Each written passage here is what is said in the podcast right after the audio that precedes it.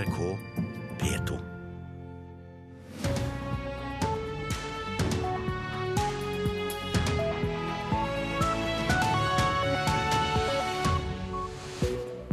Velkommen til Nyhetsmorgen. Vi har disse sakene den nærmeste halvtimen. Her i studio, Øystein Heggen.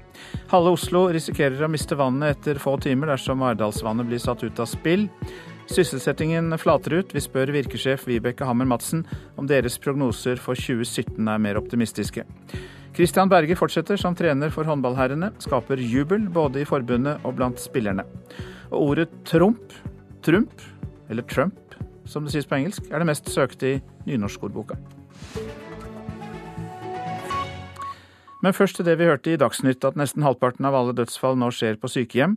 Andelen som tilbringer sine siste dager på sykehjem har økt fra 27 til 48% de siste 30 år. Og ansatte frykter at flere skal dø alene. 86 år gamle Kari Marie Moell er heldig og har folk rundt seg. Han har liksom fulgt meg til veis ende flere ganger. Og så nei, men mamma, vi blir ikke kvitt henne. Gjør jo ikke det. Nei.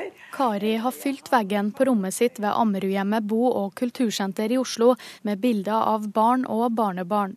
Hun bor på et sykehjem som har satsa mye på omsorg og pleie av mennesker som går gjennom den aller siste fasen i livet. Jeg syns at det er noe å strebe etter at ingen skal dø alene.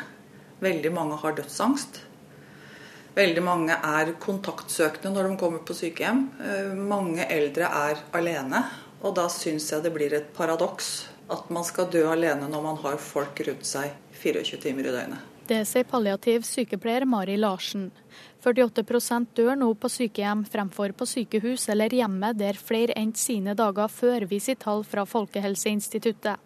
Det finnes ikke tall på hvor mange som dør alene, men Sykepleierforbundet er bekymra over utviklinga. Og det får vi også tilbakemelding om fra, fra medlemmene våre.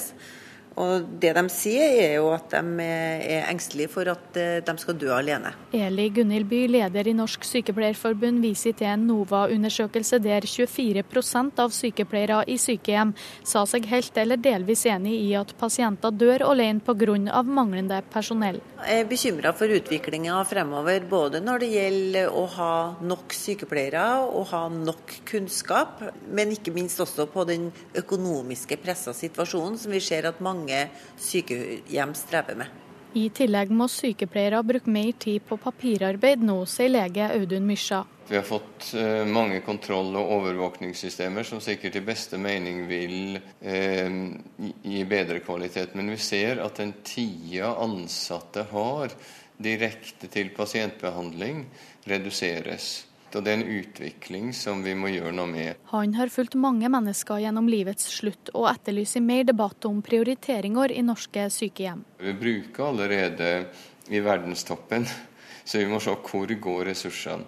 Og min kampsak er jo at det går direkte inn til det pasientrelaterte. Der mennesket er, og der mennesket søker hjelp. Åssen er det med beina? Jo, du, de er veldig fine. Og ledelsen ved sykehjemmene må prioritere det for at man skal lykkes, sånn at man f.eks.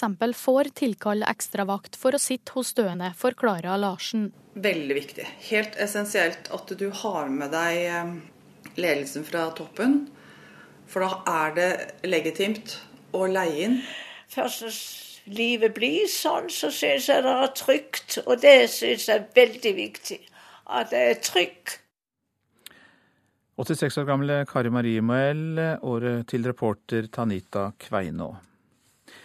Halve Oslo risikerer å miste vannet etter få timer dersom Maridalsvannet blir satt ut av spill, og kommunen har nødvann bare til 10 000 innbyggere. Dersom vannet blir borte over lang tid, får det dramatiske konsekvenser, sier beredskapssjef Ann Kristin Brunborg. Slik vi kjenner det, så vil samfunnet slutte å fungere. Å drikke rent vann fra springen og kunne trekke ned i do er en selvfølge for de fleste. Men mangelen på en fullgod reservevannkilde i Oslo gjør at total vannmangel ikke er umulig, selv om det heller ikke er veldig sannsynlig. Oslo kommunes beredskapsetat har analysert situasjonen dersom Maridalsvannet og Ose vannbehandlingsanlegg ikke kan levere vann. Analysen tegner nærmest et dommedagsbilde av en by der smitte og sykdommer florerer pga. åpen avføring utendørs, der det ikke er vann til å drikke og lage mat, til å slokke branner og til fjernvarme, og der sykehus og sykehjem må evakueres og de som har mulighet, rømmer byen. Analysen bygger på et verstefallsscenario som eh, kan vare opptil et år. Eh, det er et lite sannsynlig scenario, men det er mulig at det kan skje. Innen kort tid så vil alle innenfor Ring 3 miste vann i spring og avløp. Og etter tre måneder så vil også hele Oslo kommune være uten vann. Det vanskeligste her er at folk heller ikke kan bruke toalettet. 270 000 innbyggere innenfor Ring 3 vil miste vannet i løpet av fire til fem timer, og i dette området er det ikke mulig å koble inn de knappe reservevannkildene som fins. Samtidig har Oslo kun kapasitet til å kjøre ut nødvann, altså vann på tanker og i beholdere, tilsvarende 15 liter i døgnet, til 10 000 personer. På kort sikt anbefaler derfor beredskapsetaten å utrede hvordan kapasiteten kan økes, sier direktør Ann-Kristin Brunborg. Nå anbefaler vi at det utredes, dette med investeringer i nødvann og sanitærtjenester. Men uansett hvilke beredskapstiltak som iverksettes, så vil ikke det avbøte de alvorlige konsekvensene et bortfall vil få det vil ikke erstatte en reservevannsforsyning. Og vi vil allikevel ikke kunne klare å gi nødvann til alle kommunens innbyggere. Beredskapssjefen ser på analysen som nok et argument for å gi Oslo et alternativ til Maridalsvannet så fort som mulig. En fullgod reservevannforsyning har vært utredet siden 60-tallet. Vi mener det haster. Jeg tror det er ganske bred enighet hos alle aktører her at eh, det må på plass. Direktør for vann- og avløpsetaten, Anna Maria Aursund, sier at de følger opp anbefalingene. Nå skal eh, vi sammen med beredskapsetaten lage en plan for hvordan vi skal gå videre. Og Deretter så vil vi ende ut med en handlingsplan med konkrete tiltak. Da må dere da ha mer vann på lager, mer mobile sanitære systemer, slike ting? Det kan tenkes at det blir eh, løsninga. Men hvis dere hadde hatt en ny fullgod reservevannsløsning på plass, f.eks. Holsfjorden, så hadde det vært eh, mer enn nok med det nødvannet dere har på lager i dag? Det er helt korrekt. Direktør for vann- og avløpsetaten Anna Maria Aursund til reporter Olav Juven. Arbeidslivet det forandres eh, raskere, ikke minst i handel og service, der digitaliseringen fører til eh, nye og endrede kjøpemønstre. Så spørsmålet er hvordan det påvirker arbeidsmarkedet, om det skaper færre eller flere jobber. Vibeke Hammer Madsen, god morgen. God morgen. Du er jo administrerende direktør i Virke, den ledende hovedorganisasjonen for tjenestenæringen. Og dere legger fram nye prognoser i dag. Og hva viser de om viljen til å ansette folk eh, i 2017? 23% sier at de vil øke bemanningen. 10 vil redusere, men langt de fleste vil fortsette på det samme nivået. Så det rusler og går i, i norsk arbeidsliv. Men jeg tror jo at vi kommer til å møte dramatiske endringer innenfor kort tid. Og hva ligger i det?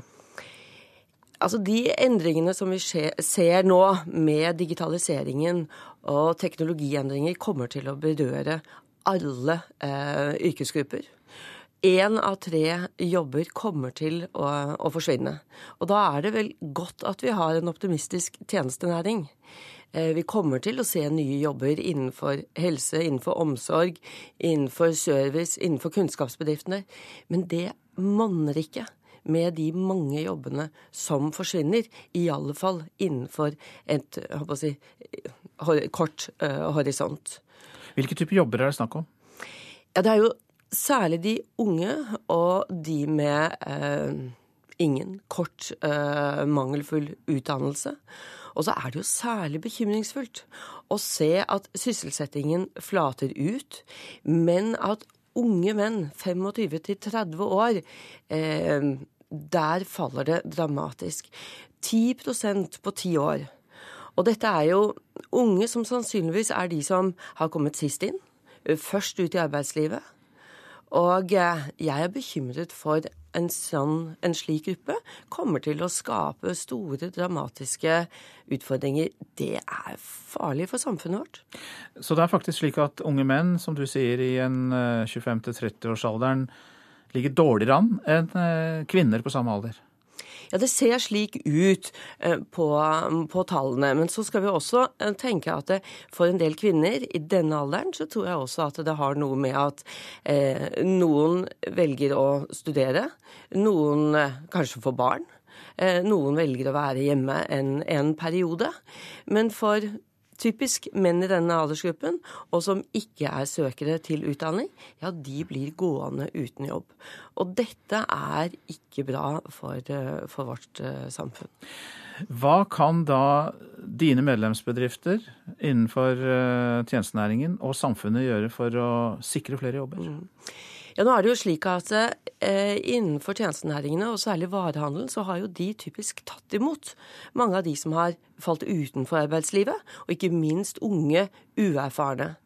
Men med den reduksjonen og den handlemønsteret og de endringene som skjer i varehandelen, så vil ikke heller varehandelen være i stand til å ta imot så mange. Og da blir det veldig viktig at også uh, myndighetene uh, er med på å se at det skal Eh, det må være enklere å drive virksomhet, og vi må kunne drive med lønnsomhet. Det må lønne seg å investere i privat arbeidsliv, og vi må skape mange flere jobber innenfor privat arbeidsliv, slik at de mange som står utenfor, har muligheter til å komme inn. Men her må vi ha et spleiselag med myndighetene, fordi at arbeidsgiverne ja, de skal sikre lønnsomme arbeidsplasser i fremtiden. Det var rådet fra Virke og Vibeke Hammer Madsen, som er administrerende direktør der. Takk skal du ha. Så til eh, kunnskapsminister Torbjørn Røe Isaksen, for han innrømmer nemlig at han ikke kan dokumentere påstander han kom med i Politisk kvarter nylig. Det var i en debatt 25.1 om innføring av lærernorm at Isaksen sa følgende om hva en slik ressursnorm for lærertetthet vil føre til. I en by som Oslo f.eks. og andre storbyer så vil det føre til en helt systematisk overflytting av lærere og ressurser fra skoler på østkanten, hvor elever f.eks. 80% minoritetsandel, mange med elever med innvandrerbakgrunn, til vestkanten. En såkalt lærernorm som ministeren argumenterer mot her, vil sette et krav til skolene om hvor mange lærere de må tilsette. Fagforeninga Utdanningsforbundet ønsker en slik regel og reagerte dermed kraftig på Isaksens påstand om at en norm vil flytte lærere fra Oslo øst til Oslo vest. Forbundet gikk inn i statistikken og fant at det er ikke noen entydig forskjell mellom skoler i øst og vest. Denne effekten vil dermed ikke oppstå, slik ministeren hadde påstått. Dette er jo et uh, forsøk på å undergrave opposisjonspartiene og lærerne sine krav uh, med opplysninger som rett og slett ikke stemmer mente SV-leder Audun Lysbakken etter å ha hørt ministeren debattere og sett på Utdanningsforbundet sin statistikk. SV stilte så et skriftlig spørsmål til kunnskapsministeren og ba han dokumentere det han hadde påstått i Politisk kvarterstudio. Jeg, er enig i at det var litt upresist å beskrive det på den måten i en opphetet politisk debatt. Vedgår Torbjørn Røe Isaksen etterpå.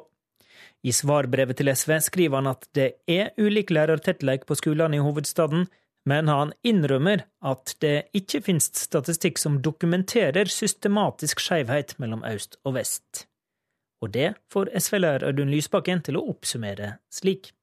Så Det uh, Røe Isaksen forsøkte seg på her, uh, må en jo kunne kalle en uh, ren bløff. Han slår bombastisk fast at dette vil fjerne ressurser fra skoler øst i Oslo, og det har han rett og slett ikke noe grunnlag for å påstå. Det syns jeg er skuffende. Men nå mener kunnskapsministeren at det er SV som bruker litt vel store ord. Han mener nemlig at poenget han prøvde å få fram i debatten, er korrekt. Sjøl om forholdet øst-vest ikke er mulig å dokumentere med statistikk, så tror Isaksen fortsatt at en lærernorm vil føre til at kommunene blir tvunget til å flytte lærere til skoler der det ikke nødvendigvis trengs mest. Det er kanskje upresist å, å, å si at, uh, at, dette kommer til å skje akkurat nå. Men det er helt åpenbart at hele poenget med en skolenorm er jo at du ikke kan bruke ekstra penger på å styrke noen skoler som du mener trenger det ekstra, fordi at du vil måtte oppfylle en lærernorm på absolutt alle skoler.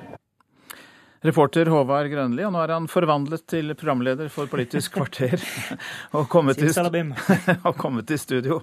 Eh, kan vi forvente oss mer bløff i Politisk kvarter? Du, i dag forventer jeg meg kanskje litt mer flørt. For det er nemlig Ap-leder eh, Jonas Gahr Støre som kommer for å møte KrF-leder Hareide. Og det har jo blitt ei stående sanning at eh, Støre flørter med Hareide, iallfall politisk, for å få til et mulig samarbeid etter valget. Men i en tale i går la Støre ganske alvorstunge ord inn i denne flørten sin. Han sa at sosialdemokratiet må samarbeide med sentrum for å demme opp for alliansen mellom høyrepopulister og konservative. Så spørs det om Hareide kjøper den analysen når han møter Støre. Og det er klokka 7.45 i Politisk kvarter. Så til eh, avisene. Fremmedarbeidere i Nordsjøen tjener ned mot 31 kroner timen og jobber tolv timers dager i tolv uker på rad, avslører Finansavisen. De demonterer og resirkulerer en britisk oljeplattform, og arbeiderne kommer fra Malaysia, India, Filippinene og Kina. Kirken bør ansette papirløse asylsøkere, sier tidligere biskop i Sør-Hålogaland Tor Berger Jørgensen til avisa Dagen. Innvandringsminister Sylvi Listhaug sier forslaget er uansvarlig og skaper falske forhåpninger. Kirkens Nødhjelp ber Kristelig Folkeparti om å kjempe for utsatte kvinners rett til abort, kan vi lese i Vårt Land. Å tro at et forbud bidrar til at aborter ikke skjer, er kunnskapsløst, sier generalsekretær i Kirkens Nødhjelp, Ann Marie Helland. Pensjonister jobber gratis for milliarder, er oppslaget i VG. Frivillig arbeid er en luksus for samfunnet. Og eldrebølgen kalles for en ressursbølge, i en ny rapport om aktive seniorer. Superrike russisk oligark seilte til Kristiansand for å spare 700 millioner kroner, kan vi lese i Dagens Næringsliv. For å få momsrefusjon på en gigantisk seilyacht bygd ved et tysk verft for 3,7 milliarder kroner, dro Andrej Melnitsjenko innom Norge for å kreve momsrefusjon fra EU. Ingen bruker mer penger på ferie enn kineserne, skriver Nordlys. Nå strømmer tusenvis av dem til Tromsø. Bare i januar måned var det nærmere 1200 av dem på ferie i ishavsbyen. Og det var en økning på 247% fra januar i fjor. Delingsøkonomien kan vokse med 800, nei, 8500% på ti år, viser en rapport fra et analyseselskap som er gjengitt i Klassekampen i dag. Men lederen for et regjeringsutvalg mener at delingsøkonomien får overdreven oppmerksomhet. Christian Berge har bestemt seg for å fortsette å lede de norske håndballherrene. Det får Norges håndballforbund og spillerne til å juble. Disse håndballgutta er eh, gull i eh, nasjonens øyne. De har samlet nasjonen. De har eh, sjarmert nasjonen. Etter suksessen med håndballherrene i VM i Frankrike har Christian Berge vært en ettertraktet mann. Blant annet har gamleklubben Flensburg Handewitt vært på banen. I går ble det klart at suksesstreneren fortsetter som landslagssjef for de norske håndballherrene. Ja, Det er jo strålende nyheter for alle som er glad i norsk håndball nå i dag, hvor vi endelig kan bekrefte at eh, fortsetter i sin jobb som landslagssjef for håndballgutta. Så det er fantastiske nyheter å kunne fortelle om. Sier Erik Langerud, som er generalsekretær i Norges håndballforbund. Han jeg opplever som fremdeles som ekstremt sulten på å lykkes, lykkes enda mer med Norge. Da. og Det tror jeg var viktig for han, og selvfølgelig noe også vi la veldig vekt på i, i, vår dialog med Kristian. Spillergruppa har hatt et sterkt ønske om å få jobbe videre med suksesstreneren, som har kontrakt med landslaget frem til 2020. Playmaker Sander Sagosen er glad for at Berge fortsetter. Nå ønsker håndballspilleren å stå på toppen av pallen sammen med resten av spillergruppa og Berge. Det er veldig positivt. Han er jo en, eh, sammen med teamet sitt en eh, stor suksessfaktor så langt, så nå må det bare fortsette. Det er jo hele gruppa sitt eh, store drøm og mål om å en gang stå på toppen. Kristian er jo en del en suksessformel for at det skal skje, samtidig som at eh, spillergruppa må, må, må fortsette på, på nivået vi er på. Nei, Det er jo veldig veldig flott for norsk herrehåndball og håndball generelt. Det sier NRKs håndballekspert Øystein Havang. Han er genuint opptatt av spillet og laget og, og produktet, og, og passer veldig godt til den spillergruppa som er nå. Reporter eh, Ali Ikbar Tahir. Klokka er 6.52. Dette er eh, hovedsaker i denne halvtimen. Nesten halvparten av alle dødsfall skjer nå på sykehjem. Andelen har gått kraftig opp. Ansatte frykter at flere skal dø alene. Halve Oslo risikerer å miste vannet etter få timer dersom Maridalsvannet blir satt ut av spill. Kommunen har nødvann bare til 10 000 innbyggere, ifølge beredskapssjefen. Og vi skal snart høre at ordet Trump nå er blitt det mest søkte i nynorskordboka. Det er nesten en måned siden NRK forlot FM-nettet i Nordland og overlot det til lokalradioene. I dag står Trøndelag og Møre og Romsdal for tur. Fiskerne i Nordland var bekymret for sikkerheten, men har skiftet mening om DAB etter at eh, ekstra sendere ble satt opp.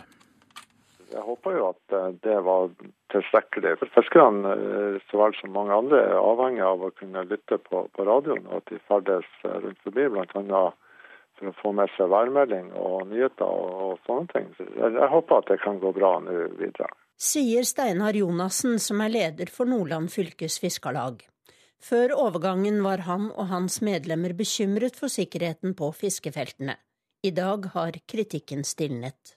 Jeg har ikke fått noen tilbakemeldinger fra våre medlemmer om at de ikke har dekning i de områdene som de har ferdes i så langt etter at eh, FM-nettet ble slokka.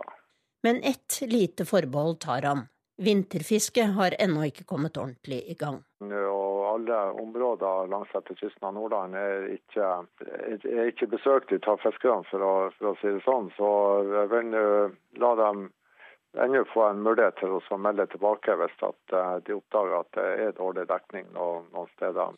En annen kritiker var stortingsrepresentant Janne Sjelmo Nordås fra Nordland Senterparti.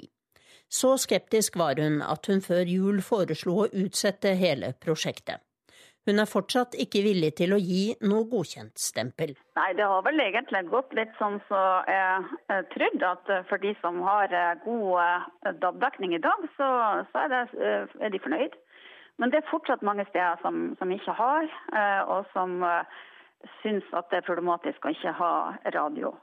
Eh, så min skepsis var jo ikke til teknologiskiftet som sådan, men til at man må sikre at alle får. Og Spesielt opptatt har jeg jo vært av de som kjører etter veien og gjerne vil ha trafikkmeldinger, og de som er på havet og de som er på hytta på fjellet. Senterpartipolitikeren har dette rådet til befolkningen i Trøndelag og Møre og Romsdal, der NRK forlater FM-nettet i dag. Jeg tenker at det er viktig å melde ifra der eh, man eh, har gjort eh, målinger så man vet at det vil være et dårlig, dårlig dekning, at man ikke får inn. Gi tilbakemelding om det til NRK eller departementet. For de har jo sagt fra departementet og regjeringa at de skal følge det her opp og sikre at man får god dekning. Senterpartiets Janne Skjelmo Nordås til reporter Tone Staude. 20 000 søkte på ordet Trump i nynorskordboka på nett i løpet av en uke. Ordet setter dermed rekord i antall søk, så lenge Universitetet i Bergen har driftet den digitale ordboka. Det var Linda Eides språkshow på NRK som gjorde mange oppmerksom på dette nynorskordet. Stor, tung og stiv skapning. Eigen og tverr. I førre episode av Linda Eide sitt språkshow opplyste hun om at tromp er et ord i nynorskordboka. Siden har dette blitt det mest søkte ordet i den digitale ordboka siden Universitetet i Bergen tok over drifta i fjor. I løpet av uh, første uken etter uh, programmet til Linda Eide, så hadde vi over 20 000 treff på ordet tromp i ordboken.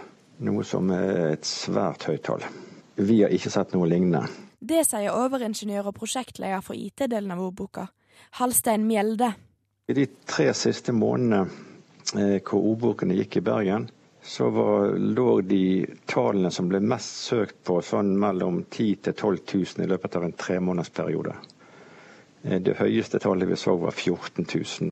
Hva for et ord som var det mest populære i disse tre månedene, kommer kanskje noe overraskende på folk flest. Eh, I høst så var det skrive, ordet 'skrive' av en eller annen merkelig grunn. Er de klar over at denne boka her, nynorskordboka, den så hva som var i ferd med å skje for kanskje 100 år siden. De skjønte hva det betydde at det kom en Trump som president. Mjelde har flere teorier om hvorfor akkurat dette ordet har blitt så populært blant det norske folket. Ja, altså det ene var jo eh, programmet til Linda Eide, men eh, i tillegg så har vi jo en president i USA som er i nyhetene daglig og vel så det, og som i tillegg vel har en del trekk og ting rundt seg som gjør at man uh, får lyst til å sjekke litt. Trump det er òg et adverb. Det er truging, tvang, press, makt, hard metode. Eksempel, ta noen med Trump.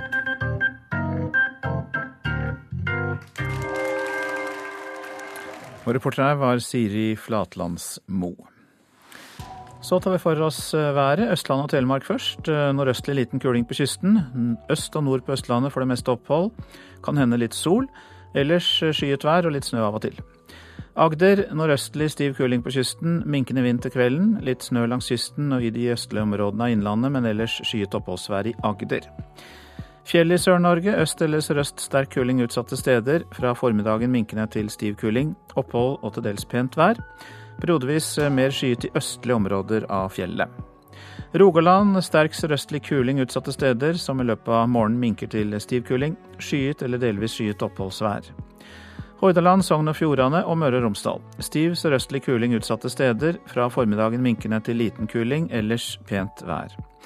Trøndelag sørøstlig stiv kuling utsatte steder, som minker til liten kuling på ettermiddagen. Pent vær i Trøndelag. Og det samme i Nordland og Troms. Pent vær kort og godt. Finnmark øst for Nordkapp periodevis sørvest liten kuling, pent vær i indre strøk. Delvis skyet og litt spredd sludd i ytre strøk av Finnmark. Og vi går til Spitsbergen, som får sørvest liten kuling, stiv kuling utsatte steder, sterk kuling i nord. Regn eller sludd, snø i høyden, mest nedbør i vestlige områder. Og fortsatt mildt, og det viser også temperaturene som ble målt klokka fire i natt. Svalbard lufthavn hadde da nemlig pluss tre grader. For øvrig er det mest minusgrader. Kirkenes minus 10, Vardø pluss 2, Alta minus 16, Tromsø minus 9, Bodø minus 4, Brønnøysund minus 1, Trondheim minus 7, Molde minus 5, Bergen minus 8, Stavanger minus 4, Kristiansand minus 6, Gardermoen og Lillehammer minus 11, Røros minus 17 og Oslo minus 7.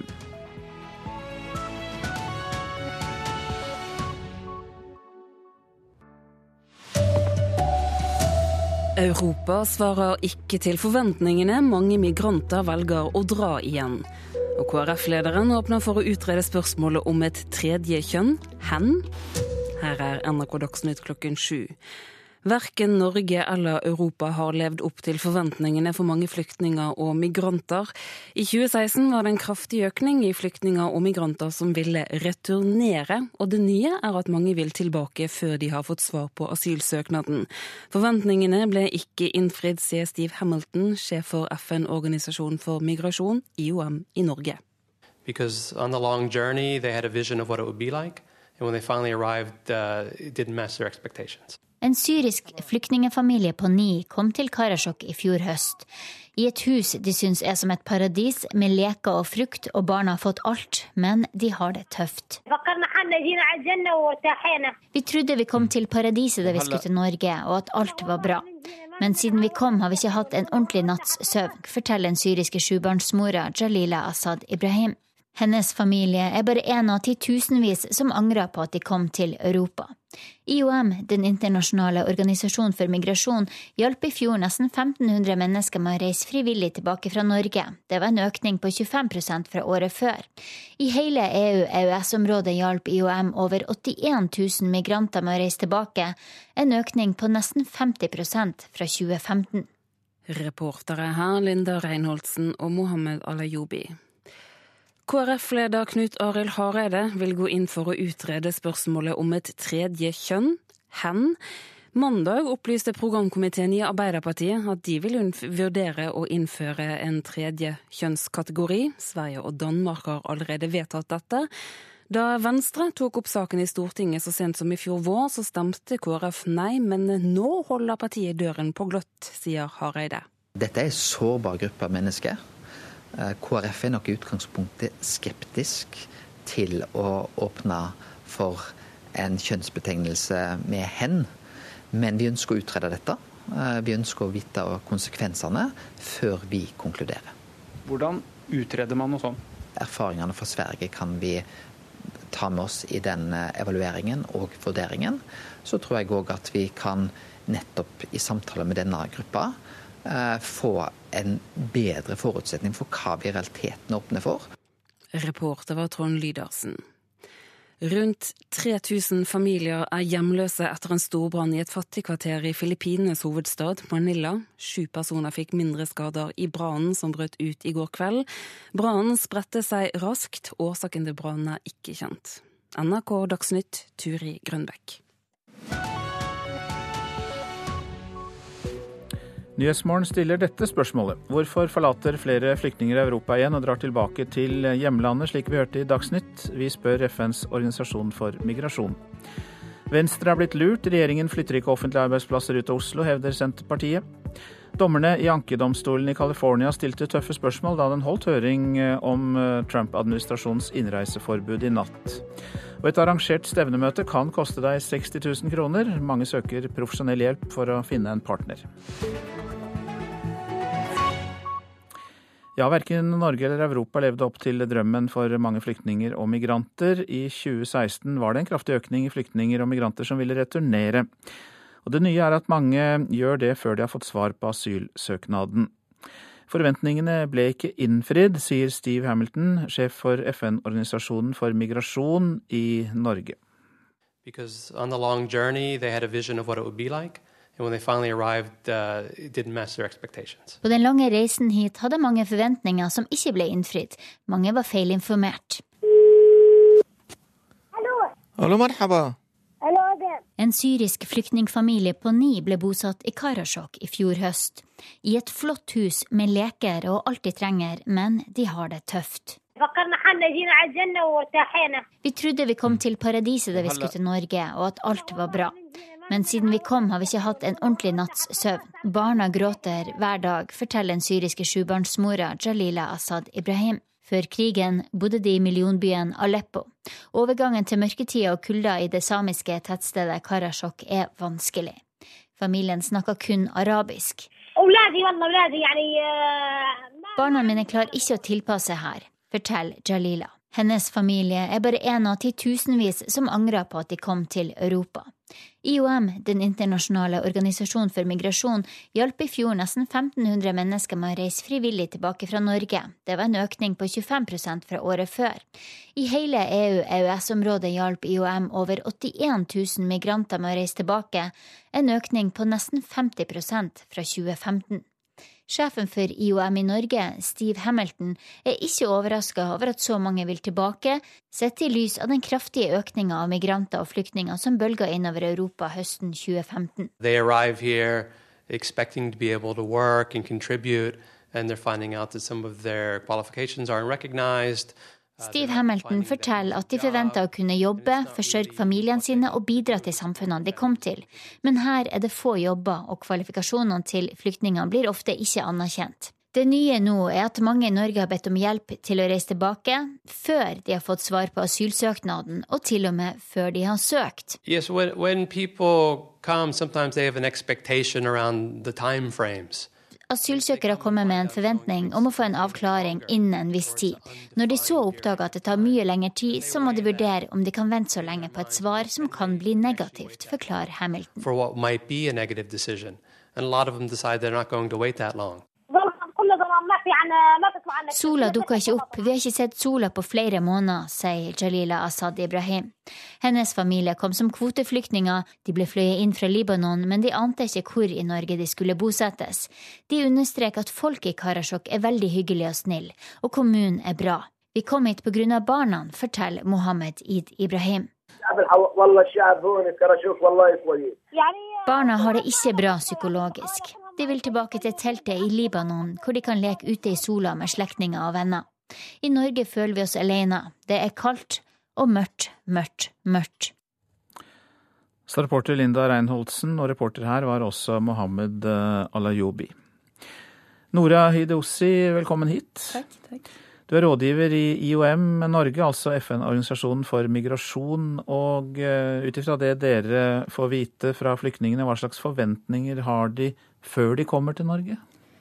Det er veldig forskjellig, varierer fra person til person. Men det er mange som forventer at de skal komme raskt ut i arbeid, kunne fortsette med studiene sine, og undervurderer kanskje at det kan ta tid å få godkjent kvalifisering og komme ut i samme type arbeid som man har hatt før. Er det ventingen som sliter mest på dem? Jeg tror det kan være ventingen, at ting tar tid. At man undervurderer hvor lang tid ting tar i Norge. Og møtet med, med hverdagen som kanskje er ganske ulik den hverdagen de har hatt før.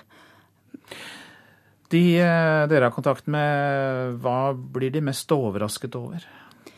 Eh, de, de, fleste blir overrasket over, over været. Eh, mørketidene i nord. Eh, eh, og så er det en del som har hørt veldig mye om barnevernet, f.eks., eh, som de er litt redd for. Eh, og vår jobb går, ut, går da ut på å Eh, motbevise disse her ryktene som spres på nettet og via andre medier. Mm. Sånn i hverdagen, bortsett fra været selvfølgelig, hva er det vanskelig å takle og håndtere for flyktningene? Eh, det er jo mye som går på verdier som er kanskje annerledes enn deres verdier. Hvis jeg kan trekke frem et eksempel fra undervisning, altså at det er obligatorisk med svømmetimer for barn, både for jenter og gutter, det er noe som for noen kan være sjokkerende. Um, ja. Er det andre ting, andre eksempler du har? Um, det er jo en del kvinner som har ikke, ikke vant til å jobbe utenfor hjemmet. Uh, og, og, da uh, komme til et samfunn der, der, det forventes at begge skal være ute i arbeid, det kan være litt vanskelig også. Men vi har jo også de som er veldig glad for at de endelig skal få kunne komme i arbeid og delta. Så du har begge, det, begge sider av mm. saken. Mm. Det, dere hjelper jo flere med å reise tilbake frivillig. Hva er det da dere gjør for å legge til rette for det? Eh, det er de som reiser frivillig tilbake igjen, det er de som har fått eh, avslag på asylsøknadene sine. Eh, og da er det i samarbeid med UDI at vi eh, hjelper dem med, med retur. Og hva er det de sier at de har savnet og vil tilbake til, først og fremst? Det er veldig forskjellig. Det er, som det ble nevnt tidligere, eh, været kanskje. Jeg tror det er veldig mange som savner tilbake til familiene sine, for det er veldig mange som reiser fra familiemedlemmer.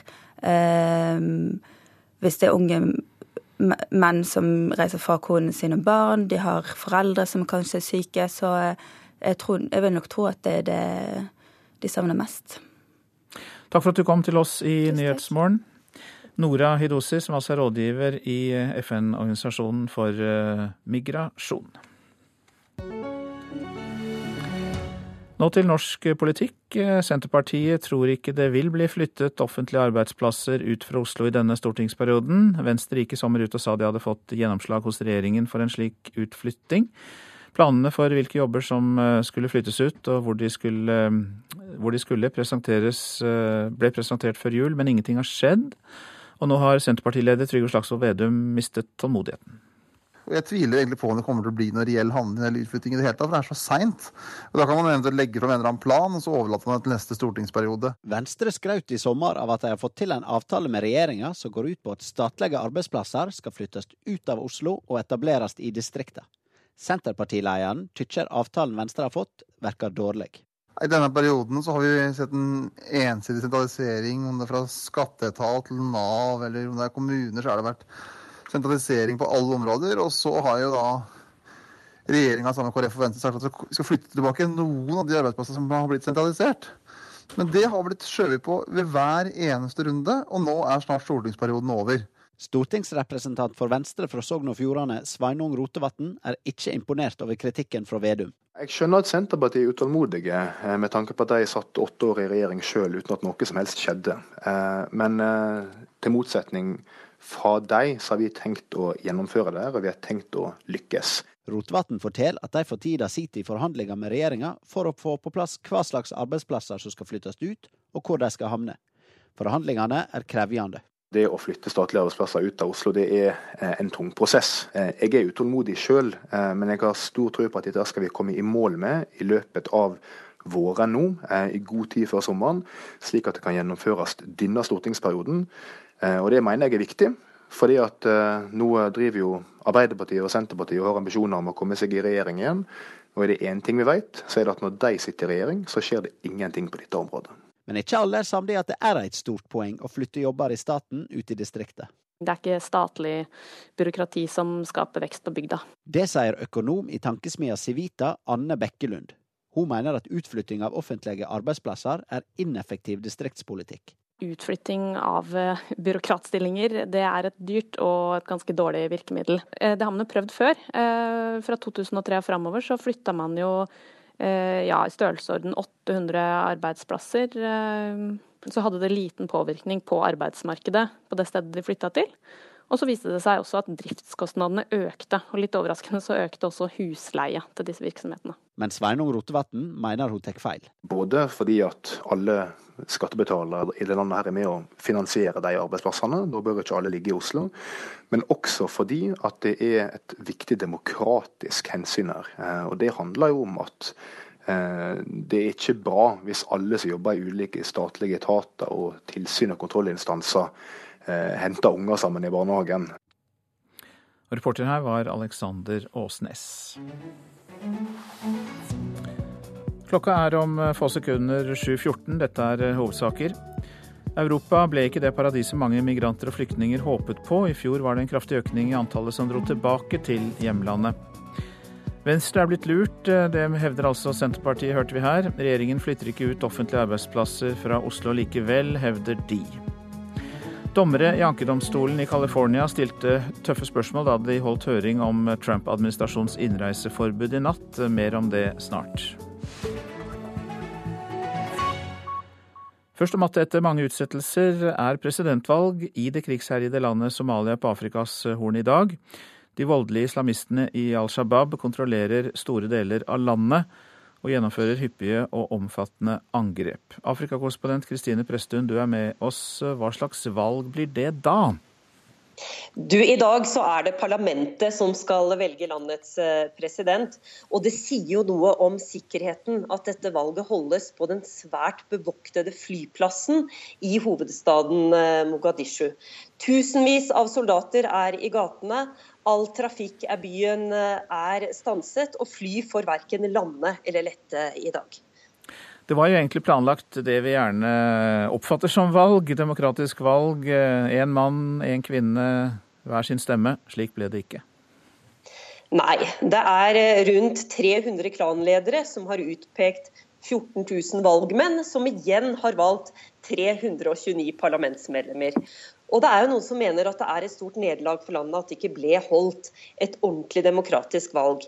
Men så er det andre som sier at OK, det var så langt man kom denne gangen, og at det blir interessant å se hva Somalia får til ved neste valg i 2020. Hvem er det da som har størst, størst sjanse for å vinne dagens eh, presidentvalg? Somalia vant nylig den svært tvilsomme æren av å trone på toppen av kåringen av verdens mest korrupte land. Og dette presidentvalget er blitt eh, karakterisert ikke som et valg, men som en auksjon. Eh, riksrevisoren sier at noen av medlemmene eh, til parlamentet her har betalt over 10 millioner norske kroner for sine plasser. Så da kan man jo tenke seg hva man må ut med for å kunne bli president. Det er bare noen få som har råd til å betale den prisen. og Det betyr at selv om det er 23 kandidater som stiller til valg i dag, så mener man at kampen står bare mellom eh, noen få. Stalltipset er at eh, dagens eh, president Hassan Sheikh Mohammed blir gjenvalgt, men han kan bli utfordret. Somalia forbinder vi altså med korrupsjon, det nevnte du nettopp. Terror, krig og i tillegg tørke. Over halvparten av befolkningen har behov for hjelp. Blir da valg så viktig midt oppi alt det? Det er faktisk nå over seks millioner mennesker i Somalia som er i dyp krise. En krise som bare har eskalert de siste månedene. og Spesielt barna her er jo sårbare. Og da er det som du sier flere som spør skal man bruke penger og energi på dette valget. Eh, men valget ses på som et skritt i retning av et demokratisk styre med større legitimitet. Eh, det er derfor USA, EU og Norge har lagt mye penger i dette og presset nærmest Somalia til å gjennomføre valget. Og Vi skal huske at vi snakker om et land som ikke har hatt en velfungerende sentralregjering siden 1971. Takk skal du ha, Afrikakorrespondent Kristine Presttun. Vi snur oss mot eh, USA, og nærmere bestemt eh, California. Dommerne i en ankedomstol der stilte tøffe spørsmål da de holdt eh, høring om Trump-administrasjonens innreiseforbud i natt. Mange amerikanere fulgte høringen, som ble streamet på radio, TV og nett. Domstolen skal avgjøre om innreiseforbudet som ble opphevet i helgen, skal gjeninnføres. Has the government pointed to any evidence connecting these countries with terrorism? Amerikanere flest kunne følge dommerne i San Francisco bore i Trump-administrasjonens motivasjon for å innføre innreiseforbudet. Lyden fra rettshøringen i ankedomstolen ble streamet direkte på nett, radio og TV her. Dette er som når bestefaren min lyttet til fotballkamper på 50-tallet, tvitret en lytter i New York entusiastisk. Striden rundt innreiseforbudet får stadig stor oppmerksomhet her. Advokater som representerer Trump-administrasjonen og delstatene Washington og Minnesota som fikk stanset innreiseforbudet i en lavere domstol i helga, måtte forklare seg grundig i rettshøringen. Uh, in 2015 and 2016, both Congress and the administration made determinations that it, these seven countries posed the greatest risk of terrorism. Trump-administrasjonen understreket at de sju muslimske landene som er omfattet av forbudet, er blitt sett på som terrortrusler både av Kongressen og Det hvite hus de siste årene. Ankedomstolen vil i løpet av uka avgjøre om innreiseforbudet skal gjeninnføres, eller om det vil forbli opphevet, slik en domstol i Seattle avgjorde i helga. Ankedomstolen kan også velge å be Trump-administrasjonen omgjøre deler av presidentordren. Uansett hva utfallet blir, er det trolig at dommen vil bli anket. President Trump sa i går at han håper presidentordren hans ikke havner i Høyesterett. You know, some things are law, and I'm all in favor of that. And some things are common sense. This is common sense. Noen ting handler om lover, og andre ting om sunn fornuft. I denne saken er det sunn fornuft det handler om, sa Trump til journalister i Det hvite hus. Mennesker fra Iran, Irak, Syria, Jemen, Libya, Somalia og Sudan som har visum til USA, reiser nå inn igjen som normalt. Mange har de siste to dagene skyndet seg med å komme av gårde, i tilfelle forbudet blir innført igjen. Tove Bjørgaas, Washington. Så skal vi si litt om det avisen er opptatt av i dag. Fremmedarbeidere i Nordsjøen tjener ned mot 31 kroner timen og jobber 12 timers dager tolv uker på rad, avslører Finansavisen. De demonterer og resirkulerer en britisk oljeplattform, og arbeiderne kommer fra Malaysia, India, Filippinene og Kina. Kirken bør ansette papirløse asylsøkere, sier tidligere biskop i Sør-Hålogaland, Tor Berger Jørgensen, til avisa Dagen. Innvandringsminister Sylvi Listhaug sier forslaget er uansvarlig og skaper falske forhåpninger. Kirkens Nødhjelp ber Kristelig Folkeparti om å kjempe for utsatte kvinners rett til abort, kan vi lese i Vårt Land. Å tro at et forbud bidrar til at aborter ikke skjer, er kunnskapsløst, sier generalsekretær i Kirkens Nødhjelp, Anne Marie Helland. Pensjonister jobber gratis for milliarder, er oppslaget i VG. Frivillig arbeid er en luksus for samfunnet, og eldrebølgen kalles for ressursbølgen i en ny rapport om aktive seniorer. Superrik russisk oligark seilte til Kristiansand for å spare 700 millioner kroner, kan vi lese i Dagens Næringsliv. For å få momsrefusjon på en gigantisk seilyacht bygd ved et tysk verft for 3,7 milliarder kroner, dro Andrej Melnitsjenko innom Norge for å kreve momsrefusjon fra EU. Ingen bruker mer penger på ferie enn kineserne, skriver Nordlys. Nå strømmer tusenvis av dem til Tromsø. Bare i januar måned var det nærmere 1200 av dem på ferie i ishavsbyen, og det er en økning på 247% fra januar i fjor. Delingsøkonomien kan vokse med 8500% på ti år, viser en rapport fra et analyseselskap gjengitt i Klassekampen. Men lederen for regjeringsutvalget om delingsøkonomi mener at eh, denne økonomien får overdreven oppmerksomhet. Milliardmaskinen Statoil har stanset, er oppslaget i Aftenposten. Siden selskapet gikk på børs i 2001 har det skuffet inn milliarder til statskassen. Men det var inntil nå, og nedturen er ikke over, ifølge Statoil-sjef Eldar Sætre.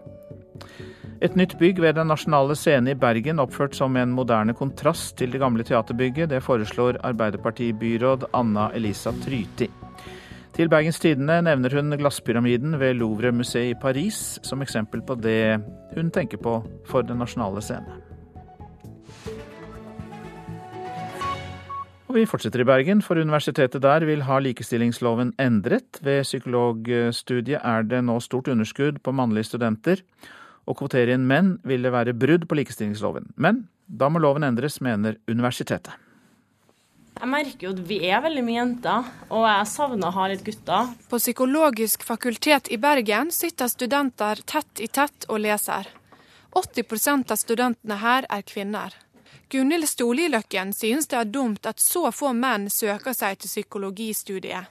Helt ærlig, etter å ha gått her, eh, så har jeg faktisk litt lyst på flere gutter inn, altså. Jeg tror det hadde blitt et bedre miljø med nesten hvert fall 50-50 gutter og jenter. Den skeive kjønnsfordelingen på psykologistudiet har vært et tema i mange år. I høst søkte universitetene i Oslo og Bergen om å få kvotere inn flere menn, men Kunnskapsdepartementet sa nei. Nå vil Universitetet i Bergen endre likestillingsloven. Når vi fikk likestillingsloven og det første likestillingsarbeidet eh, startet opp, så eh, var det nok behov, eh, slik samfunnet var den gangen, til at det ble gitt en prioritet til kvinner. Det sier viserektor ved Universitetet i Bergen, Oddrun Samdal. Å kvotere inn menn på studiet vil med dagens regelverk være brudd på likestillingsloven. Det er nemlig ikke lov å særbehandle menn i samme grad som kvinner. Vi tenker at en likestillingslov den må gi like rom både for gutter og jenter. Forslag til ny likestillings- og diskrimineringslov skal legges frem for Stortinget i vår. Ingen fra Barne- og likestillingsdepartementet hadde mulighet til å uttale seg om saken i går.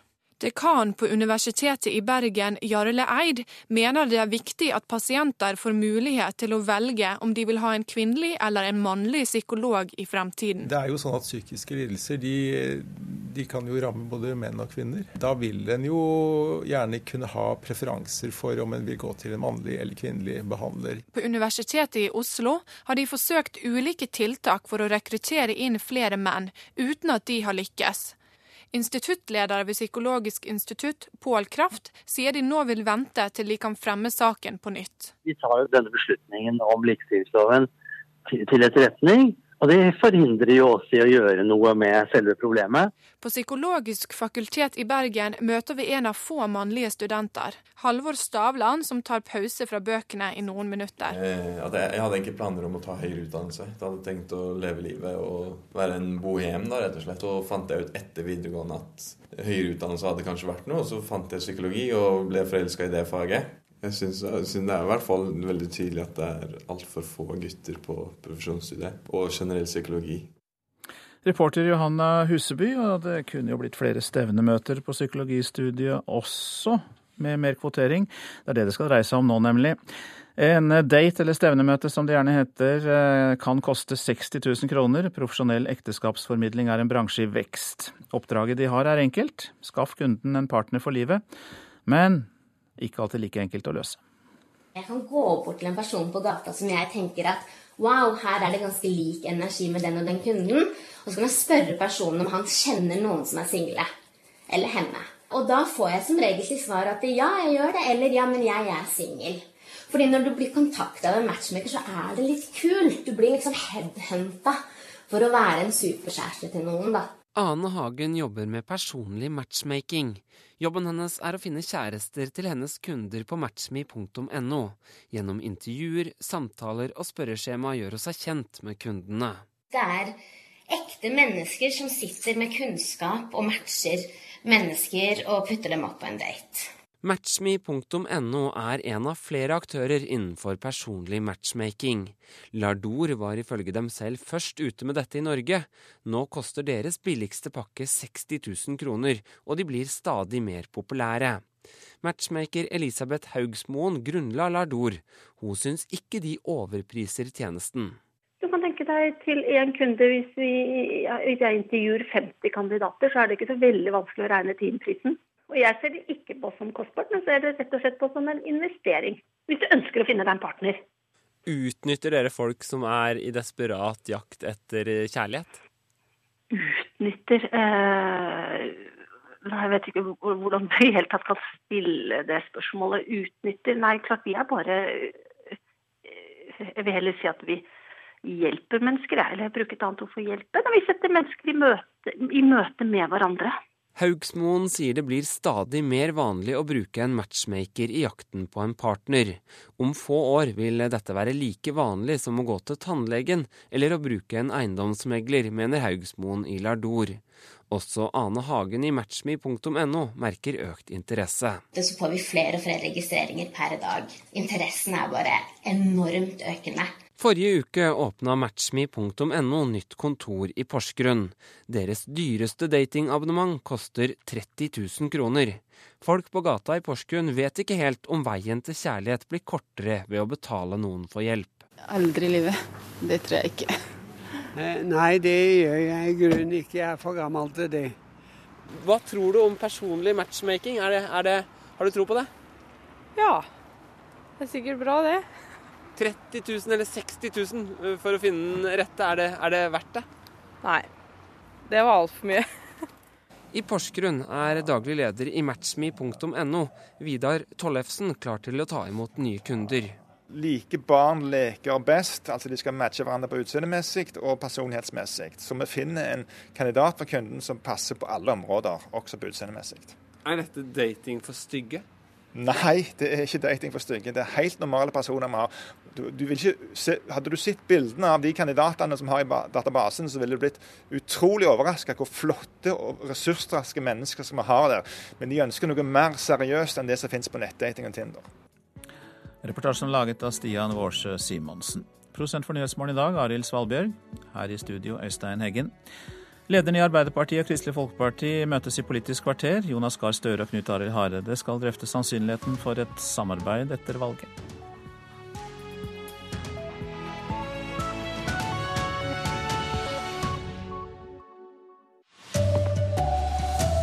Antall flyktninger som vil hjem igjen fra Europa, øker kraftig. I Colombia har myndighetene startet nye fredsforhandlinger. Og Trump, eller Trump, har satt rekord på nynorsk. God morgen, her er NRK Dagsnytt klokken er 7.30. Verken Norge eller Europa lever opp til drømmene for mange flyktninger og migranter. I fjor var det en kraftig økning av folk som fikk hjelp til å returnere frivillig av FN-organisasjonen for migrasjon, IOM. En syrisk flyktningfamilie ble bosatt i Karasjok i høst, men vil heller tilbake til flyktningteltet i Libanon. Vi trodde vi kom til paradiset da vi skulle til Norge, og at alt var bra. Men siden vi kom har vi ikke hatt en ordentlig natts søvn. Barna gråter hver dag, forteller den syriske sjubarnsmora Jalila Assad Ibrahim. Før krigen bodde de i millionbyen Aleppo. Overgangen til mørketida og kulda i det samiske tettstedet Karasjok er vanskelig. Familien snakker kun arabisk. Barna mine klarer ikke å tilpasse her forteller Jalila. Hennes familie er bare en av titusenvis som angrer på at de kom til Europa. IOM, Den internasjonale organisasjonen for migrasjon, hjalp i fjor nesten 1500 mennesker med å reise frivillig tilbake fra Norge. Det var en økning på 25% fra året før. I hele EU-EØS-området hjalp IOM over 81 000 migranter med å reise tilbake, en økning på nesten 50% fra 2015.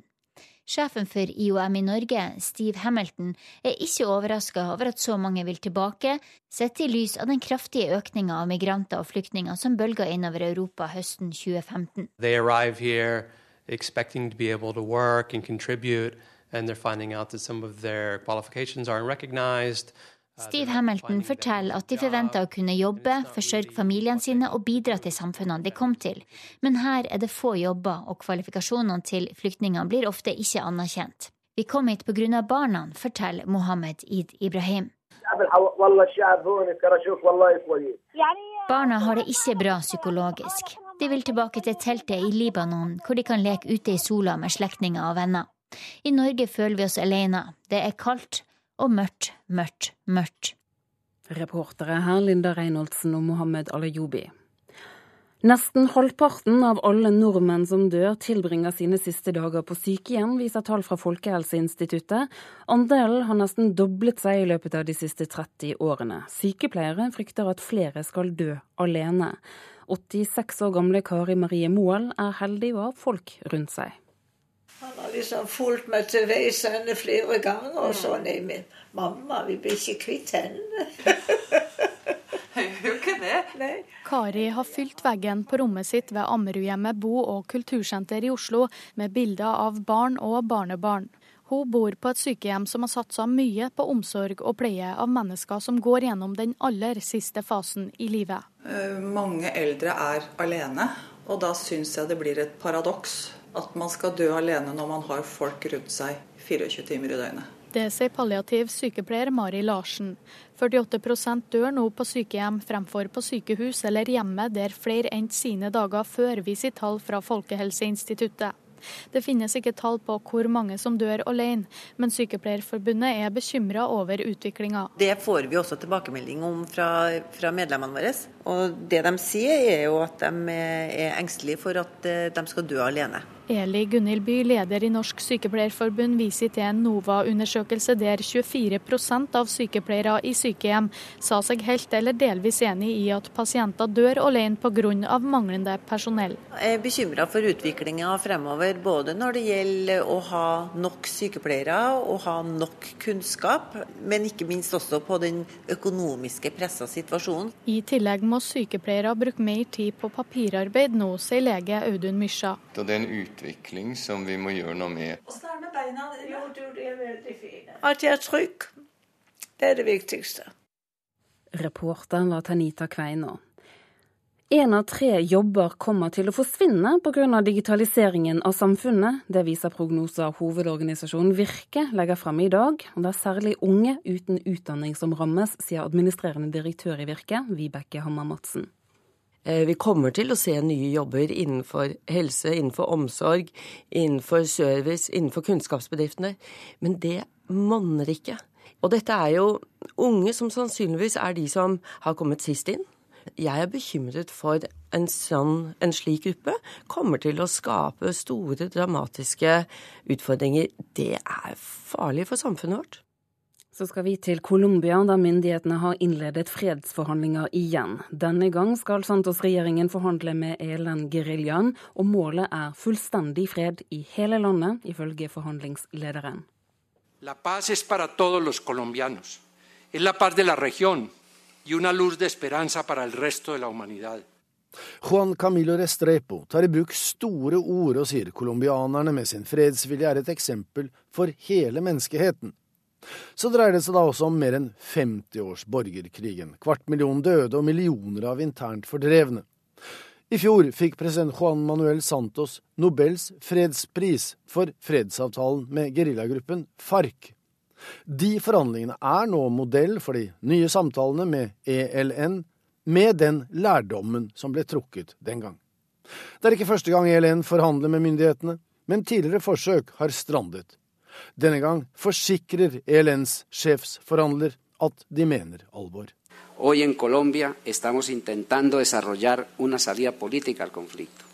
ELN, som alltid har vært mindre enn FARC, skal ha ca. 2000 mann under våpen. Gruppen ble dannet i 1959 med den cubanske revolusjonen som inspirasjonskilde og den katolske kirkes frigjøringsteologi som en slags ideologi. De forberedende samtalene har pågått i mer enn tre år, og de endelige forhandlingene kunne komme i gang i går etter en omstridt fangeutveksling på mandag. Det sa utenriksmedarbeider Joar Hoel Larsen. Dommerne i ankedomstolen i California stilte tøffe spørsmål i høringen om Trump-administrasjonens innreiseforbud i natt. Mange amerikanere fulgte høringen. Den ble streamet på radio, TV og natt. Og domstolen skal avgjøre om innreiseforbudet som ble opphevet i helgen, skal gjeninnføres. Has the government pointed to any evidence connecting these countries with terrorism? These proceedings have been moving very fast. Amerikanere flest kunne følge dommerne i San Francisco bore i Trump-administrasjonens motivasjon for å innføre innreiseforbudet. Lyden fra rettshøringen i ankedomstolen ble streamet direkte på nett, radio og TV her. Advokater som representerer Trump-administrasjonen, og delstatene Washington og Minnesota som fikk stanset innreiseforbudet i en lavere domstol i helga, måtte forklare seg grundig i rettshøringen. Trump-administrasjonen understreket at de sju muslimske landene som er omfattet av forbudet, er blitt sett på som terrortrusler både av Kongressen og Det hvite hus de siste årene. President Trump sa i går at han håper presidentordren hans ikke havner i Høyesterett. You know,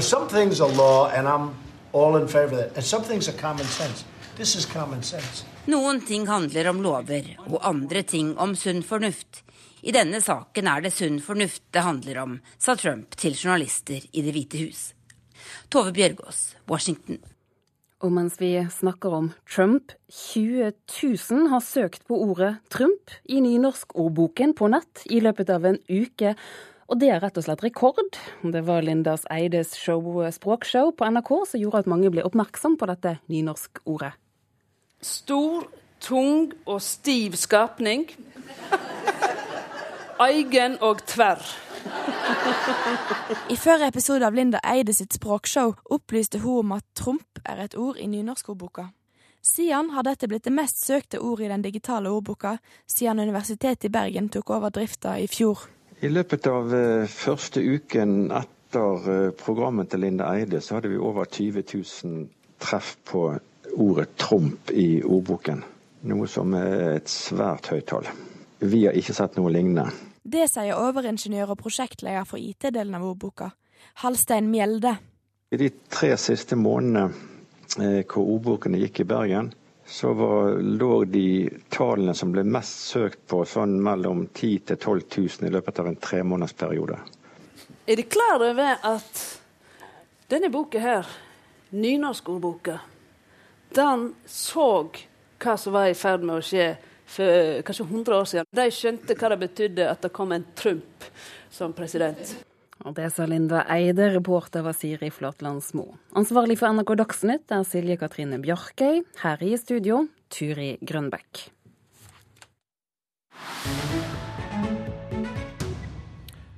Da kan vi slå fast at du lytter til Nyhetsmorgen. Det går eh, dårlig med kampen mot terroristene på Afrikas Horn. Al Shabaab herjer i flere land, særlig Kenya.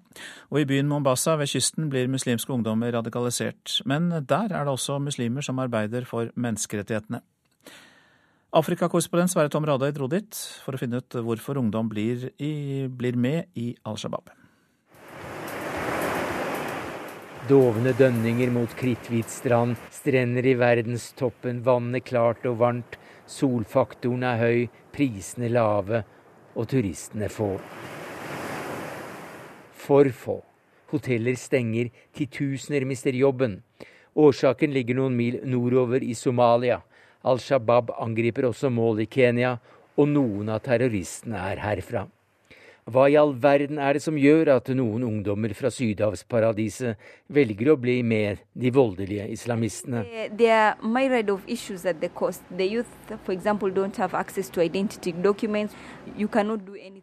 er flere årsaker. En viktig er mangel på identitetspapirer, sier Rama Gulam. Hun er nestleder i Muhuri, Muslimer for menneskerettigheter. Muhuris hovedkvarter ligger her i Mombasa, ved Det indiske hav. 50 mil fra hovedstaden Nairobi. Men avstanden til maktsenteret virker mye større for folk her, sier Gulam. Hit til kontorene i tredje etasje kommer menn med merker etter tortur, sier hun, mødre som ikke har sett sønnene siden sikkerhetspolitiet hentet dem, familier som har mistet eiendommen de har eid i generasjoner, men som noen fra Nairobi har overtatt med korrupte byråkraters velsignelse og hit kommer unge muslimer for å klage over manglende identitetspapirer.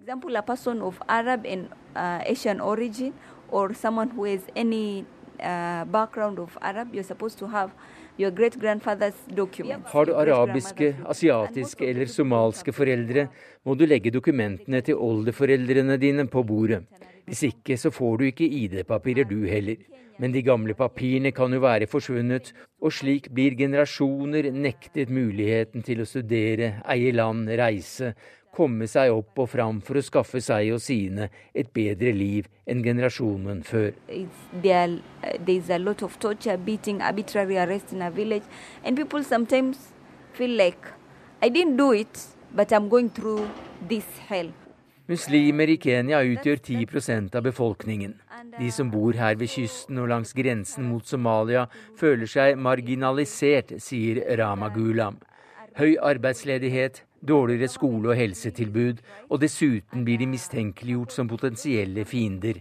De må finne seg i å bli trakassert av politiet, sier hun.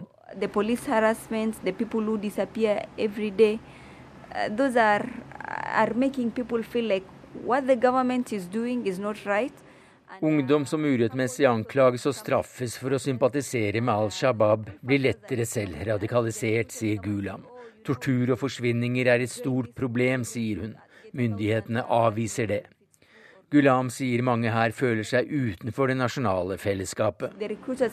oh, if you join this group, you're going to get a thousand uh, virgins when you go, when you die and go to heaven. So Yes, religious can be, is, very, very.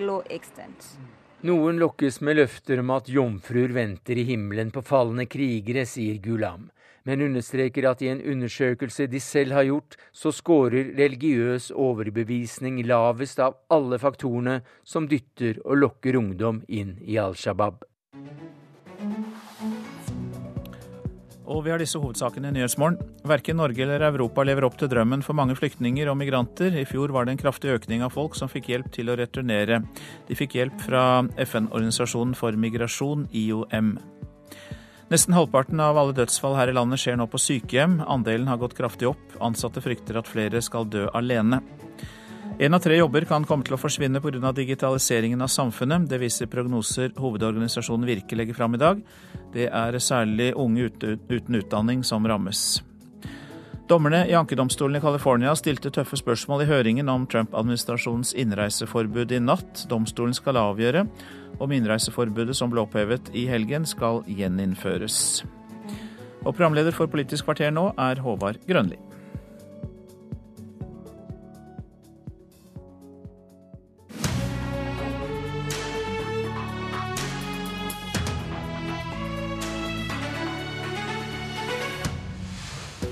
Sosialdemokrati og sentrum må finne sammen for å hindre at samfunnet blir preget av en sterk allianse mellom høyrepopulister og høyrefolk. Det gjelder også i Norge. Denne alvorsformuleringa fra Jonas Gahr Støre, vil Knut Arild Hareide høre på den? Ap-lederen og KrF-lederen er gjester i Politisk kvarter. Klippet i starten er henta fra din tale til landsstyret i går, Jonas Gahr Støre. Der understreker du at det ikke bare er flørt du driver med, det er også et stort alvor over dine tilnærminger til KrF. Må Knut Arild Hareide velge de side for å demme opp mot høyreradikale holdninger i det norske samfunnet? Når du går rett på det, så har jeg hatt veldig respekt for at Kristelig Folkeparti skal gjøre sitt valg. Sentrum skal gjøre sitt valg. Eh, det tror jeg aldri blir bedre av at noen trenger seg på å si hvordan det bør være. Men jeg løftet blikket i går og så rundt oss i Europa og USA, hvor vi ser en utvikling at det er fremvekst av høyrepopulistiske krefter og partier. Og vi ser økende tendens til at de tradisjonelle høyrepartiene allierer seg med dem. Og det er stort alvor. For samfunn hvor det skjer, så får vi altså større forskjeller, større motsetninger, mer vi og dem. En samfunnsutvikling jeg tror vi ikke ønsker. Eh, og da er det et alvor fra min side når jeg sier at eh, den bevegelsen sosialdemokratiske som jeg tilhører, eh, bør alliere seg tettere med sentrum. Det er et, om du kan kalle det et, et nytt signal, men et dypt alvorlig signal fra min side. For jeg tror det handler om å stå opp mot samfunnskrefter som vi ikke ønsker skal forme landet vårt. Og Da ser du de samme tendensene her hjemme da, som du ser internasjonalt? Ja, jeg gjør det. Altså I Norge har vi jo da vår versjon av dette partiet, Fremskrittspartiet i regjering med Høyre. I Sverige åpner nå Moderatene for samarbeid med Sverigedemokraterna. Eh, I Finland er de i regjering, eh, de ytre høyre. I Danmark eh, har de også kontroll i forhold til regjeringen, og vi ser det i mange andre land. Vi er ikke der i Norden som vi er lenger sør i Europa. Og jeg har alltid vært nøye med å sammenligne og, og si at det er forskjeller mellom uh, vår utgave av dette og det du ser f.eks. i Frankrike og Nederland. Men det er en utvikling som jeg mener at uh, uroer og kjennetegner det norske samfunnet med små forskjeller, by og land som utvikler seg sammen, på samme måte, og at vi har en respekt for hverandre og ikke setter grupper opp mot hverandre. Det tror jeg er verdier hvor et tettere samarbeid mellom sosialdemokratiet og sentrum vil kunne bli en viktig kraft mot den utviklingen. Okay. Knut Arild Hareide, la oss se i hva grad du er enig av den, i den norske varianten av dette. Hvis Erna Solberg tviholder på et samarbeid med Frp etter valget, har da Støre rett i at dere i sentrum må samarbeide med sosialdemokratiet for å demme opp for en allianse mellom høyrepopulister og konservative? Jeg har lyst til å begynne der òg eh, Jonas Gahr Støre avslutta. Det er en veldig stor forskjell på Fremskrittspartiet og en del av de partiene vi opplever nå dominerer europeisk politikk. Så du og, kjøper ikke helt analysen og sammenlikninga, med andre ord? Eh, nei, det gjør jeg ikke. Og jeg syns det er viktig. Jeg syns det står respekt av Fremskrittspartiet som et politisk parti på en helt annen måte enn del av de høyrepopulistiske partiene vi ser i eh, Europa. Så er jo KrF et sentrumsparti. Og Vi er opptatt av å da få politikken til sentrum.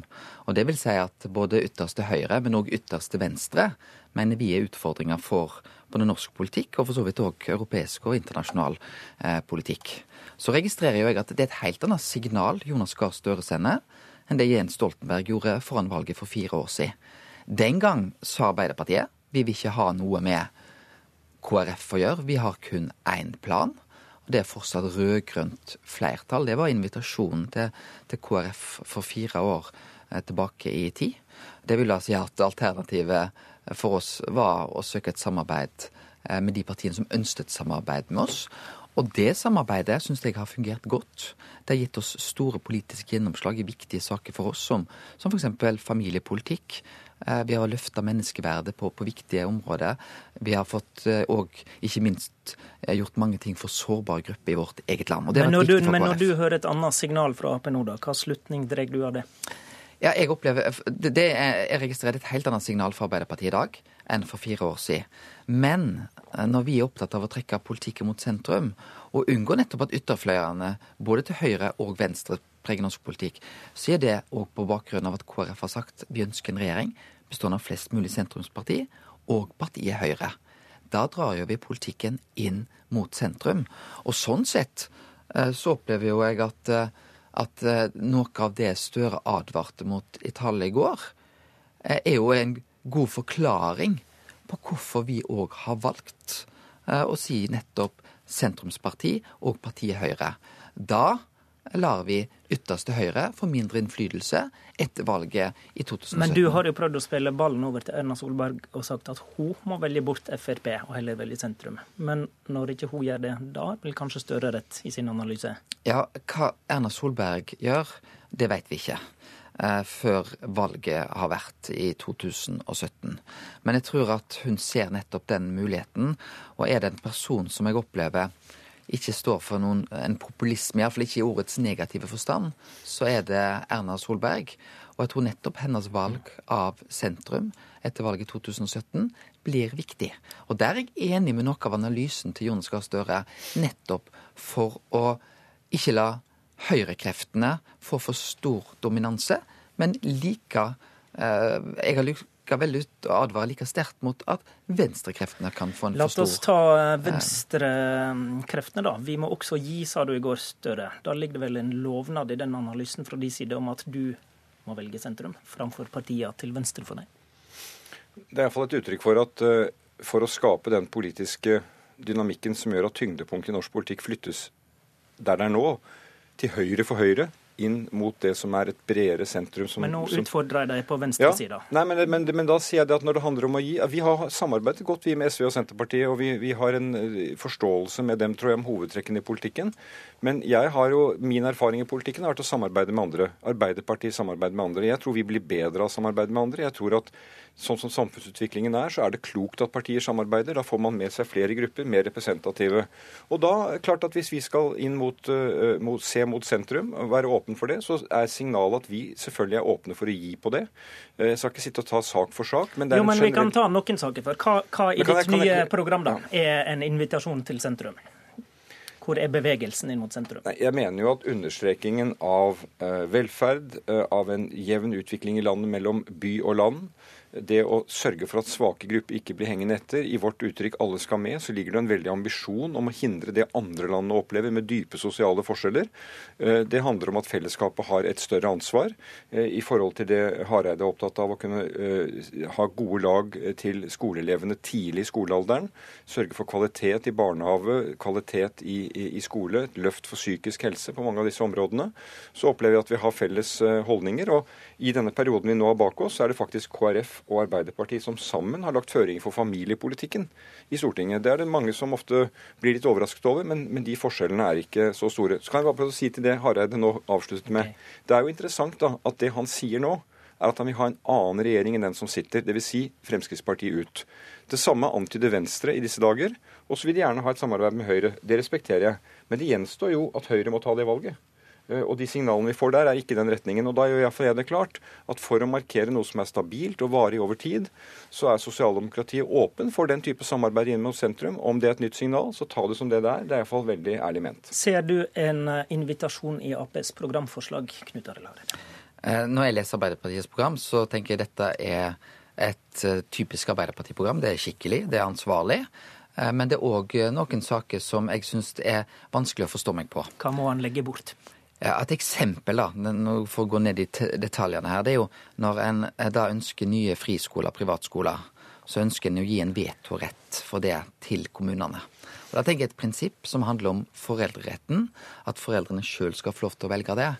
Det syns jeg er veldig vanskelig å, å gi en vetorett på, på hver kommune på det. Større, Hvorfor skal kommuner ha vetorett over den menneskeretten det er å velge undervisning i samsvar med Kristelig Folkeparti og Arbeiderpartiet var helt enige om dette eh, da vi satt i regjering, og vi var, hadde et forlik i Stortinget om en friskolelov som fungerte meget bra. Men det som har skjedd nå, med det frislippet som Høyre har satt i gang, særlig på videregående skoler, er at du får en utvikling der det opprettes skoler som gjør at offentlig skole må legges ned fordi elevene flytter og tar med seg pengene. Så da skal kommunene bestemme menneskerettighetene? Ja, da må, nei, men da må vi inn og se på hva slags skolepolitikk ønsker vi å ha. Skal det være da opprettelse av eh, private skoler som styrer utdanningstilbudet i Norge? Det er det samme budsjettet, pengene tas ut av den offentlige skolen. Hvordan en slik lov skal se ut, det må vi snakke om. Men, men det er et problem som er blitt et problem etter at Høyre endret loven. Arbeiderpartiet og Kristelig Folkeparti fant sammen om en friskolelov da vi jobbet med dette sist, og det tror jeg vi kan gjøre igjen. I Kveldsnytt i går kunne vi se deg Hareide, møte NHO-presidenten, som du er enig med i spørsmålet om eh, formuesskatt, iallfall dette med å frita arbeidende kapital. Ap har varsla at de vil øke formuesskatten med 5 milliarder kroner i neste periode. Er Ap med det på vei bort fra sentrum? Altså, nå tok Arbeiderpartiet og KrF initiativ til at vi skulle få Eh, et skatteforlik som samla bredt, det, det, lyktes vi med. Men vi ser nok litt annerledes på nettopp formuesskatten på arbeidende kapital. Altså vi skiller der. Og eh, fordi at vi sier at eh, det å få skattefradrag når du kjøper inn en fiskebåt, en maskin, en traktor, et kaianlegg, som er med på å skape arbeidsplasser, så mener vi at den skatten, som da er helt spesiell for norske eiere, bør bort så mener vi at vi bør skille eh, og fjerne skatten på arbeidende kapital. Og la den stå på rikdom, på luksusgode, på luksusbåter. Da bør den bli stående. Så vi har en mellomløsning. Eh, og det tror vi, ikke minst med det vi nå ser langs vestlandskysten, vil være viktig for å skape flere arbeidsplasser. Er du villig til å lempe litt på formuesskatteskjerpinga di? Altså, nå hadde vi et skatteforlik som helt riktig Hareide sier vi tok initiativ til sammen. Vi satt her i studio for et par-tre år siden og, og trakk opp det, og jeg tror vi medvirket at det skjedde. Der ble den såkalte verdifastsettelsen satt ned til 80% Det var en fordel for dette med arbeidende kapital. Da har vist seg litt vanskelig å skille mellom kapital som arbeider og kapital som ikke arbeider. Eh, jeg ser på skatt. Opp gjennom tidene så har Kristelig Folkeparti og Arbeiderpartiet ligget veldig nær. Eh, tar du Kristelig Folkepartis alternative budsjett, så eh, økte de skattene i år med 8-9 milliarder. Vi økte dem med rundt 10. Det er veldig likt. Dette tror jeg ikke er et stort på dette skilletema. som noe skille? Nei, jeg tror det er eh, saker man kan finne ut, av det, finne, finne ut av det med. Og dessuten så har vi nå gjennomført en stor skattereform som er bra for bedriftene, og som eh, jeg tror vi kunne bidra til å gi stimulans til at det skapes nye jobber. Vi bruker det siste minuttet på kommunene. Hareide, i kommunereformen venter vi på avklaringa om KrF går sammen med regjeringspartiet og gjennomfører noen tvangssammenslåinger. Har dere bestemt dere? Altså vi, eh, Dette er en sak vi diskuterer akkurat i, i, disse dager. Vi har jo nå gjennomført en kommunereform. En kommunereform som ser ut til å bli betydelig mer vellykka enn det de fleste trodde på, for, på, forhånd. Det er mange kommuner som nå slår seg sammen frivillig. Og frivillighet skulle være det bærende prinsipp. Eh, og det mener vi. Så har vi òg i vårt program åpna for at vi kan bruke tvang. Eh, men det er ikke noe vi må bruke. Og akkurat sånn som det ligger nå, så ser det ut til at vi får en vellykka kommunereform med mange eh, kommuner som sjøl har valgt det. Og det tror vi er et mye bedre utgangspunkt okay. for en ny kommune enn om vi bruker tvang i stor grad. Støre har åpna for å reversere tvangssammenslåinga. Hva syns du om det signalet? Ja, det er ikke noe som vi i utgangspunktet eh, har tenkt er, er naturlig. Eh, Og fordi at dette er en frivillighetsreform, og det bør være det bærende prinsipp. Helt riktig. eh, Og det, det Hareide sier nå, er jo helt sammensvar med, med det vi sier. Gode sammenslåinger heier vi på. Frivillige, de går sammen, og det er bra. Eh, Og det regner jeg med blir det stortingsflertallet kommer til å legge seg på. Takk til Jonas Gahr Støre og Knut Arild Hareide.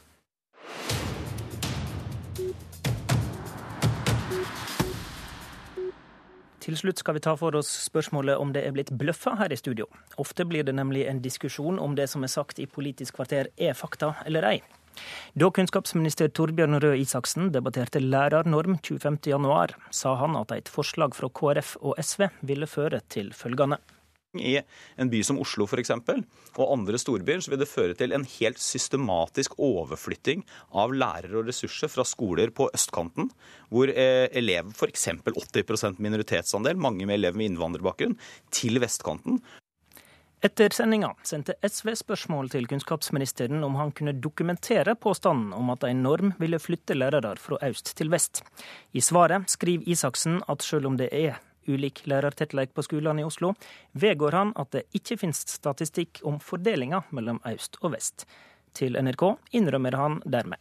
Jeg, jeg er enig i at det var litt upresist å beskrive det på den måten i en opphetet politisk debatt. Mens SV-leder Audun Lysbakken formulerer det slik.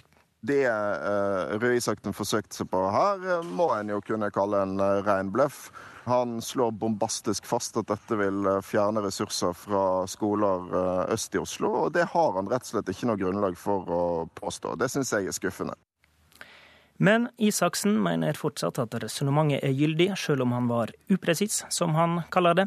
Så debatten vil nok fortsette. Debattleder i Politisk kvarter i dag, det var Håvard Grønli. Husk at du kan laste oss ned som podkast, eller høre oss på radio nrk.no. Hør flere podkaster på nrk.no podkast.